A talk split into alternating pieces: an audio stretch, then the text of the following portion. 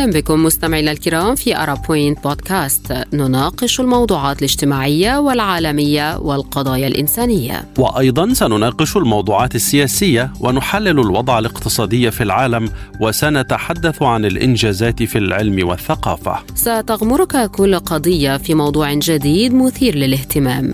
في الاستوديو معكم خالد عبد الجبار ونوران عطله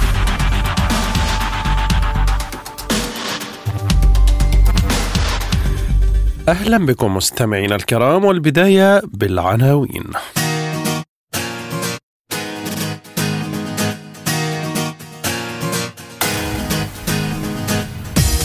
مواقع التواصل في السعودية تشتعل بعد قرار خفض إنتاج النفط. ميسي يثير غضب نشطاء البيئة. تعرف على الحكاية. افتتاح معبد هندوسي في دبي بين مؤيد ومعارض.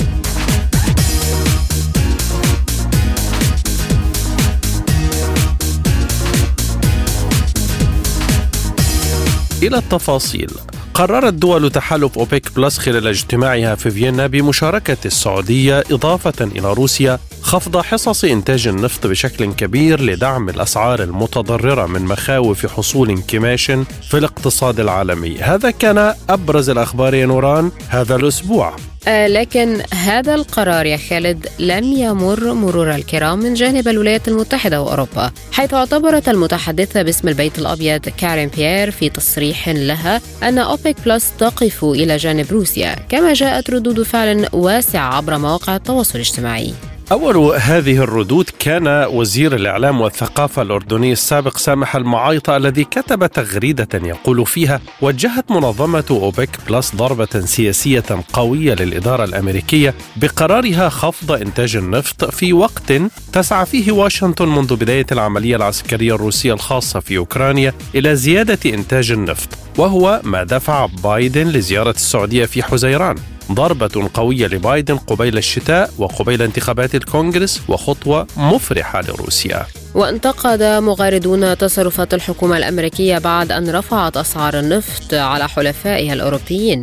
في حين تطلب من منظمة أوبك زيادة الإنتاج فكتب أيوب الولايات المتحدة الأمريكية لم ترحم حلفائها الأوروبيين البيض وقامت برفع سعر الغاز لهم ب 300 في المئة ولا رحمة ولا شفقة لوضعهم أبدا رغم أنهم العبد المطيع لها. بينما تتكالب الولايات المتحدة على منظمة أوبك بلس وخصوصا على ريادتها السعودية بسبب أنها حافظت على مصالح أعضاء المنظمة لموازنة السوق. وكتب عمر أبو السعيدة تطور كبير في الصراع الدولي حدث اليوم قرار شجاع عربي روسي. وهو اتخاذ منظمة أوبك قرارا بخفض إنتاجها مليوني برميل من إجمالي إنتاج دول منظمة أوبك. وهذا القرار طرحته السعودية والإمارات ودعمته روسيا وتم تمريره بنجاح. ويأتي هذا القرار مع قدوم فصل الشتاء الذي يتزايد فيه الطلب على الطاقة. في المقابل يا خالد رأى مغردون أن القرار لا يراعي أزمة الاقتصاد العالمي وينظر إلى مصالح أعضاء منظمة أوبك بلس فقط فكتب حساب باسم يونيفرس يقول منظمة أوبك لقد خرجت منذ زمن طويل عن الأهداف المرجوة منها إنها بكل بساطة لم تعد تخدم متطلبات الأسواق العالمية لديها توجهات غير مبررة وأجندات خارجة عن جوهر المسؤولية التي على عاتقها. نعم نوران وكتب أيضا على نفس المنوال محمد كنعان يقول منظمة أوبك تقر تخفيض إنتاج النفط مليوني برميل. انتظروا ارتفاع أسعار النفط للمستوى القياسي وكله على رأس دول أوروبا التي أصبحت على وشك الانهيار. وكتب حساب باسم جنرال الخليج انصياع منظمة أوبك بلس للطلب الإماراتي بزيادة الإنتاج سيتسبب بانخفاض أسعار النفط بما يحقق ضررا أكثر من النفع. ونقل البعض تغريدة عضو الكونغرس الأمريكي بيرني ساندرز بضرورة فرض عقوبات على السعودية. وعلى ذكر السعودية يا نوران تداول نشطاء على مواقع التواصل الاجتماعي مقاطع فيديو من المؤتمر الصحفي لمنظمة أوبيك بلس إضافة إلى رد فعل وزير الطاقة السعودي الأمير عبد العزيز بن سلمان على سؤال من إحدى وكالات الأنباء حول روسيا. سنستمع إلى جزء منه بعد قليل. بالفعل خالد وقد تفاعل مغردون مع مقاطع الفيديو المتداولة لوزير الطاقة السعودي فأثنى بعضهم على شخصيته فكتب أحدهم. هو رجل سريع البديهة وردوده حاضرة وكتب آخر نموذج مشرف لقادة بلادنا وللقوة في التعامل مع الأمور. لا بارك الله في الضعف وفق الله بلادنا وقادتها وحفظها من كل شر. You know, Uh, أنتم كرويترز لم تقوموا بعمل جيد. تحدثتم عن روسيا وأن روسيا تقوم بذلك وذاك. وفي اليوم الذي نشرت فيه آه، المقالة أنا لم أكن تحدثت مع أي شخص من روسيا ولم يتحدث معي أي شخص من روسيا. وعدتم وكررتم هذا الموضوع الخاطئ. تحدثتم عن أن هناك نوع من المؤامرة السعودية الروسية على أسعار النفط وهذا غير صحيح. نحن نحن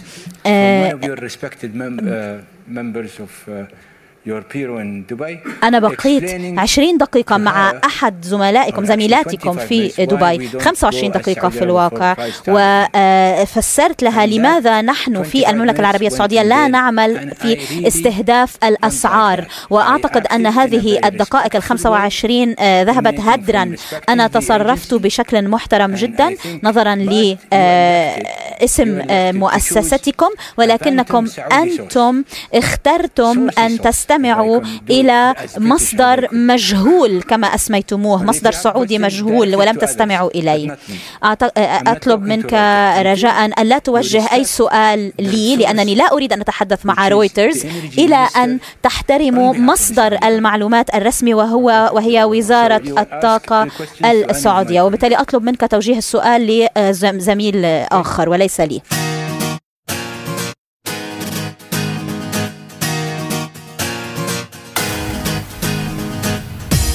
نوران ما هي حكاية الطائرة الخاصة لنجم الكرة العالمي ميسي ولماذا أثارت غضب نشطاء البيئة؟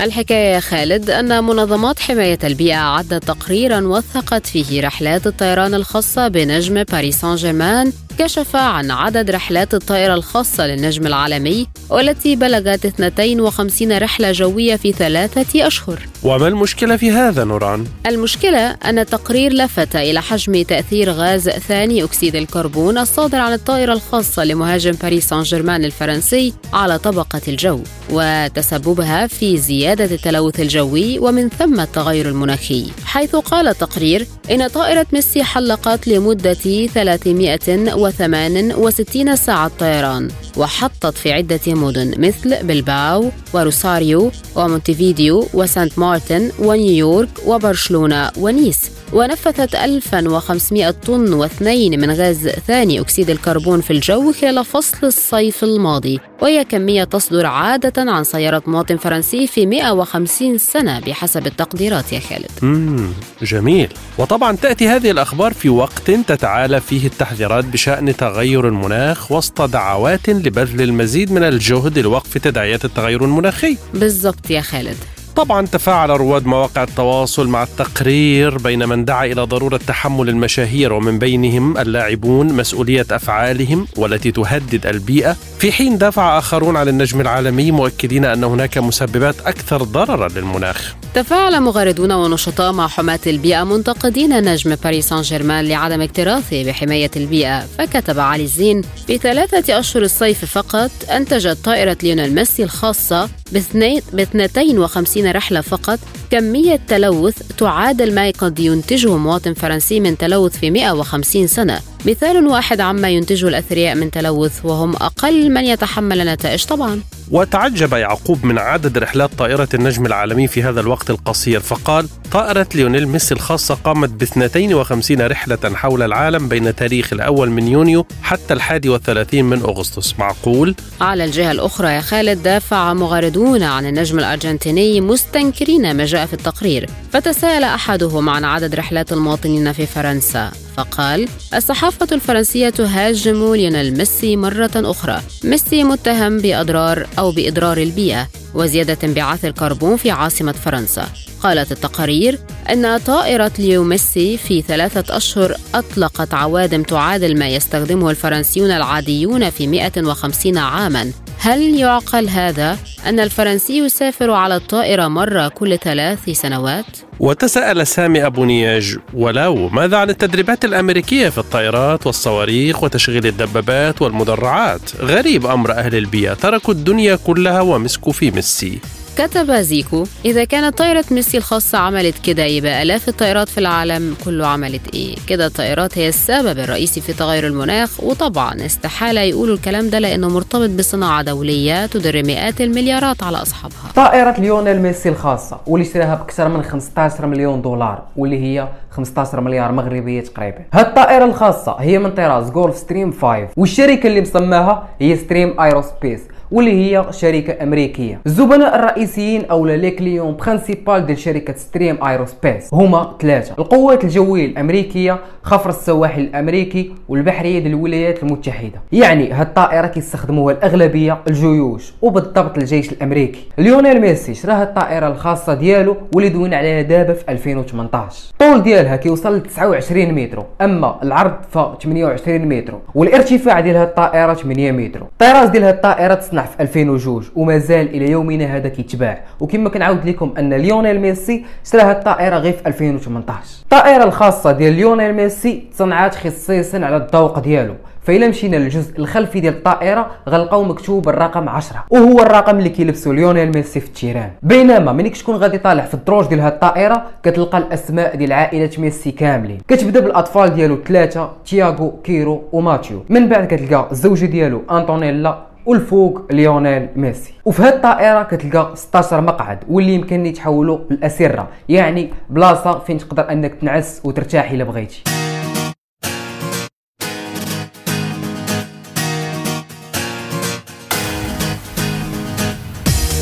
ختام هذه الحلقة من الإمارات يا نوران ولعلك تابعت الهجوم اللاذع الذي شنه مغردون على دولة الإمارات العربية المتحدة عقب إعلانها عن افتتاح أول معبد هندوسي في البلاد في إمارة دبي بتكلفة 16 مليون دولار.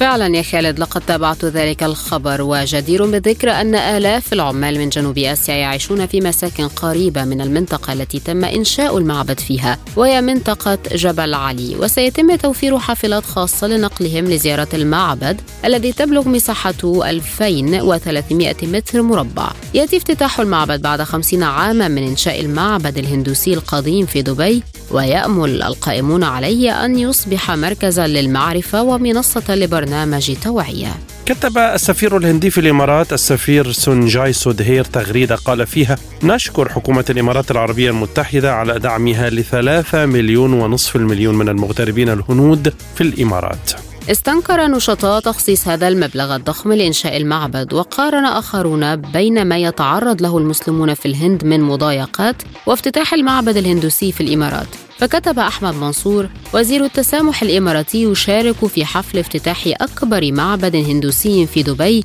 وحفاوة استقبال البقرة المقدسة يقع المعبد على مساحة 2300 متر مربع وتكلف بناؤه 60 مليون درهم ويضم تماثيل 16 إلها للهندوس وافتتح في وقت متزامن مع قيام الهندوس في الهند بحملات اضطهاد ضد المسلمين ومساجدهم ومتاجرهم. وكتب محمد يقول أين مقولة إطعام جائع خير من بناء ألف معبد هندوسي أليست هذه مقولاتهم المفضلة عندما يتم بناء جامع؟ وكتب علي الحسن الإمارات تفتتح معبدا هندوسيا لم يداهن الإسلام العقائد المختلفة التي كانت منتشرة وقت ظهوره بالرغم من كونه بدأ غريبا. وأصر الإسلام على تميزه ونقائه وسلامته من التحريف وهيمنته على الأديان السابقة ومخالفته للعقائد الوثنية. فالإسلام هو الحق. ومن يبتغي أو يروج لغيره دينا فهو من الخاسرين. وكتب حمزة لدبوشة يقول أظن أن الإمارات كثرة المال سبب لها نشوة الخروج عن الواقع والأصل بحجة التشدق والتباهي أمام العالم. لن تحصلوا على شيء من العالم. مفهوم التعايش. نعم له حق. حرية العبادة وعليك واجب الحماية. لكن 16 مليون دولار لبناء معبد هندوسي كافية لإطعام 100 ألف يمني. من جهة أخرى اعتبر مغردون أن هذه الخطوة هامة للتعايش السلمي بين جميع الديانات في الإمارات لأنها تعد دليلا على حرية العبادة والمعتقد. فكتب شريف جابر الإمارات اليوم افتتحت معبد هندوسي بتكلفة 16 مليون دولار. المعبد بداخله 16 إلها مختلفا وعشرات التماثيل والأصنام. هذا هو التمثيل الحقيقي لمفهوم التعايش بين البشر. هذا هو مستقبل الإنسانية. زمن ديننا سيحتل الأرض انتهى وأصحاب معتنقي هذه الأفكار سيعيشون بين السجون والكهوف ووراء الكيبورد. وكتبت أزهار الشكلي تقول صباح الانفتاح. الإمارات تكمل بناء أول معبد هندوسي في دبي. خبر يمكن لا يستوقف الكثير لكنه يدل على أشياء مهمة جدا. أولها قبول واحترام الآخرين وإحنا نفس الجنسية والقومية والدين وما طايق أحدنا الآخر. ورد آخرون على حملة النقد الواسعة على الإمارات مؤكدين استقلالية قرارها. فكتب حسن طيب دي دولة لها سيادة أنت عايز منها إيه؟ هم يتصرفوا ببلدهم كيفما شاءوا. التلويح بهذه المروحة المصنوعة من الفرو الأبيض هو تقليد لدى الديانة السيخية وكتابها المقدس المعروف باسم جورو جرانث صاحب. هذه العملية هي دلالة على الاحترام الذي يجب على المصلين القيام بها خلال وجودهم في أماكن العبادة.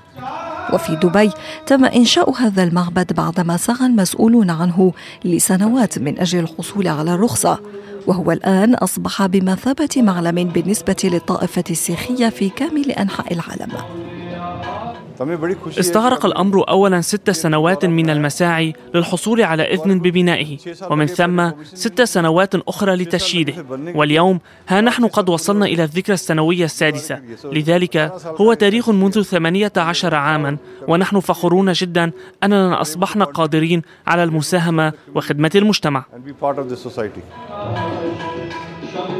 وإضافة إلى أن المعبد هو مكان للقاء المتدينين من التابعين للديانة السيخية إلا أن المسؤولين جعلوا منه مكانا لإعانة الوافدين الجدد إلى دبي بتوفير وجبات طعام في كل يوم لهم وأيضا إعانتهم على الاندماج وتسهيل حياتهم الجديدة في دبي.